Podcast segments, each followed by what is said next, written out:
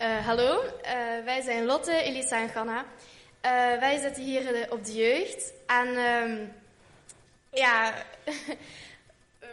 oh ja, wij gaan vandaag voor jullie de preek doen. Maar bij ons in de jeugd zitten natuurlijk allerlei kinderen. van niet alleen deze kerk, maar ook van andere. Waaronder Elisa. Zij gaat naar de kerk um, het, het Levend Woord in België. Dus de preek gaat over de hoeksteen. Daar. Wij eh, steken, als we een preekje gaan doen, altijd een kaars aan. Dat is als teken van de aanwezigheid van God. En om ons rustig te laten worden en uh, goed op te letten. Dus bij deze doen we dat nu ook.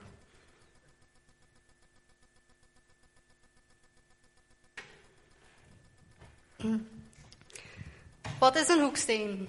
Een hoeksteen is een steen die uh, gebruikt wordt om eh, de hoekpunten van een gebouw uh, te verstevigen. Dat zegt Wikipedia. Uh, of het is een funderingssteen of een grondsteen die, er die ervoor zorgt dat muren, twee muren bij elkaar verbonden zijn. Um, als we kijken naar de geschiedenis, waren de hoekstenen wel even groot als dit podium. Um, het was heel belangrijk dat deze vlak lag, dus eigenlijk waterpas lag. Want vanuit deze steen werd de rest van het eh, gebouw opgebouwd. Dus de hoeksteen is de belangrijkste steen van het gebouw. Um, de hoeksteen is te vergelijken met een goed fundament van nu. Op het fundament rust heel het gebouw. Um, en zo is Jezus Christus ons uh, fundament en daar rust heel de kerk op. Ik heb een vraag. Wie weet hoe vaak de hoeksteen in de Bijbel voorkomt? Lucia. Ja, klopt. De eerste is Efeziërs. Vijf keer. Hij komt vijf keer voor in de Bijbel. De eerste is Efeziërs 2 vers 19. De tweede is Jesaja 28 vers 16. De derde is Job 38 vers 6. En daarna komt Psalmen 118 vers 22. En als laatste 1 Petrus 2 vers 6. Um, ik ga jullie uh, Efeze 2, vers 19 tot 20 uh, eh, lezen. Zo bent, u, zo bent u dan niet meer vreemdelingen en bijwoners, maar burgers van de heiligen en huisgenoten van God. Gebouwd op het fundament van de apostelen en profeten, waarvan Jezus Christus zelf de hoeksteen is. Ik heb een vraag voor jullie. Wie gelooft er eigenlijk allemaal in Jezus? Dat betekent dus eigenlijk dat er geen, eh, geen, gasten meer zijn in de kerk, maar dat we familie zijn. Dus stel, je voor, uh, stel jezelf voor als een levende steen. Met één steen kun je geen uh, huis maken. Daarom, um, hebben daarom moeten we met, samenwerken aan Gods koninkrijk. Samen bouwen, samen bouwen aan Gods huis. Elke steen is belangrijk en heeft zijn eigen plaats en functie. Dus iedereen uh, heeft zijn eigen plaats in de kerk. De ene geeft koffie, de andere bedient mensen, de andere kan heel goed spreken dan weer, de andere bemoedigt mensen of andere mensen geven elkaar een knuffel. Zo zijn wij Gods handen en voeten.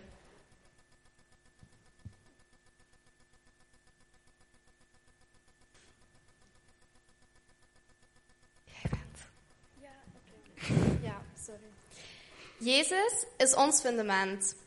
Op dat fundament bouwen wij.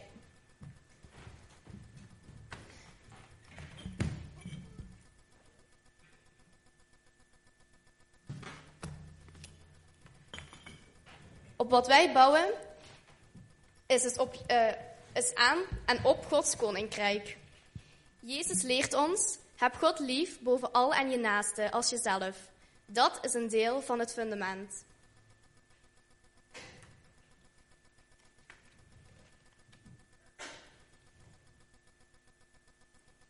Um, ik ga het hebben over psalmen. En in de Bijbel staat: De steen die de bouwers niet goed genoeg vonden, is de belangrijkste hoeksteen van het gebouw geworden.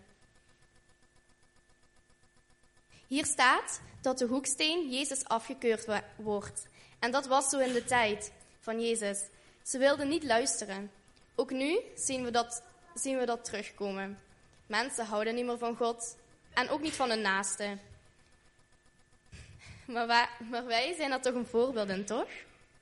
Wij houden van God zo, zoveel, ontelbaar veel. Iets dat wij nooit zullen begrijpen.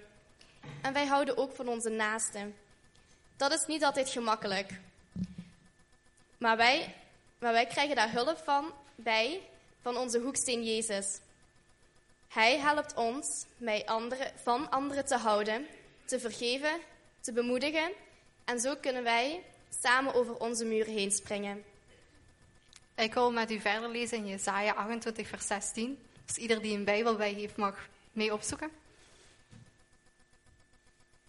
Daarom zegt de Heer, ik ga in Sion een steen leggen, een stevige, kostbare steen.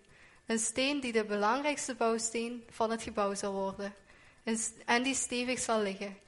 Wie op die steen vertrouwt, zal niet hoeven vluchten. En ik wil ook 1 Petrus 2, vers 6 lezen.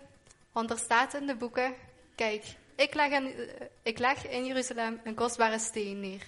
Die steen is Jezus. Um, die steen heb ik uitgekozen. Die steen wordt de belangrijkste bouwsteen van mijn huis. Ieder die in hem vertrouwt, zal nooit in hem teleurgesteld worden. Als je iets bouwt, dan doe je dat meestal op een, uh, op een stevige ondergrond. Want als je dat niet doet, dan, uh, ja, dan gaat het sneller stuk. Um, Jezaja heeft het hier over een fundering die in Sion gelegd zal worden. Sion is een plaats. Um,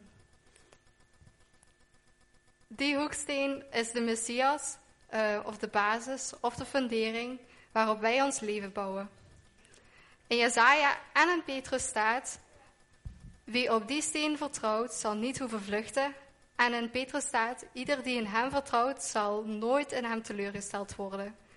Vertrouw dus op dat God de juiste stenen neerlegt voor jou. Dus de juiste personen voor jou op jouw pad legt. En ga er ook op staan.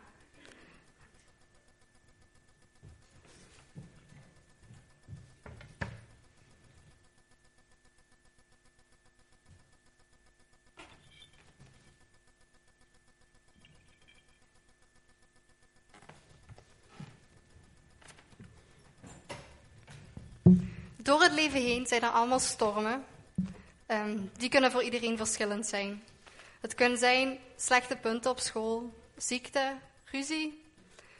Um, vul het maar voor jezelf in. Deze stormen kunnen littekens of ouderdomstekens of vlekken achterlaten, zoals die stenen. Um, maar als het uh, gefundeerd staat op de juiste, of als het op de juiste fundering staat, dan uh, zal die blijven staan. Vertrouw er dus op dat je, vertrouw dus op je fundament. Hij laat je nooit in de steek. Hij zal je ook nooit teleurstellen. Um, is jouw leven uh, gebouwd op een fragiele basis van je eigen droom of successen? Of staat het vast op, je eigen, op een goede fundering? Twijfel je hierover? Dan willen we je uitnodigen om samen na de dienst te praten en om samen te bidden.